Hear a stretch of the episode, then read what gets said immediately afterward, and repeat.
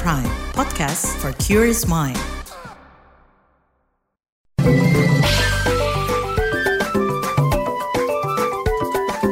WhatsApp Indonesia. WhatsApp Indonesia, kita mulai dari situ Bondo, Jawa Timur. Petugas Balai Taman Nasional Baluran Situ Bondo, Jawa Timur menangkap tiga orang yang diduga pelaku perburuan liar terhadap satwa dilindungi.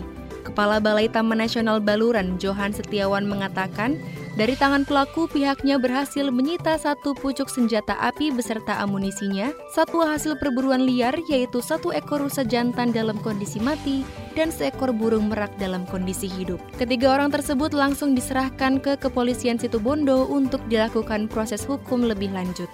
Atas perbuatannya tersebut, para pelaku terancam undang-undang tentang konservasi sumber daya alam hayati dan ekosistemnya dengan ancaman hukuman 10 tahun kurungan penjara dan denda 200 juta rupiah. Selanjutnya menuju Nusa Tenggara Barat, Kementerian Pariwisata dan Ekonomi Kreatif Kemenparekraf mendorong potensi digital dari orang-orang muda di Nusa Tenggara Barat.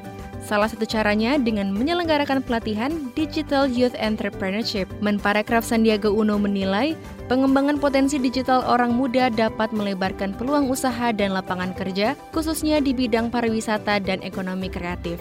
Sandi mendorong orang-orang muda NTB menciptakan konten-konten yang inovatif, adaptif, dan kolaboratif, sehingga para konten kreator ini nanti bisa membantu mempromosikan pariwisata dan ekonomi kreatif di wilayahnya.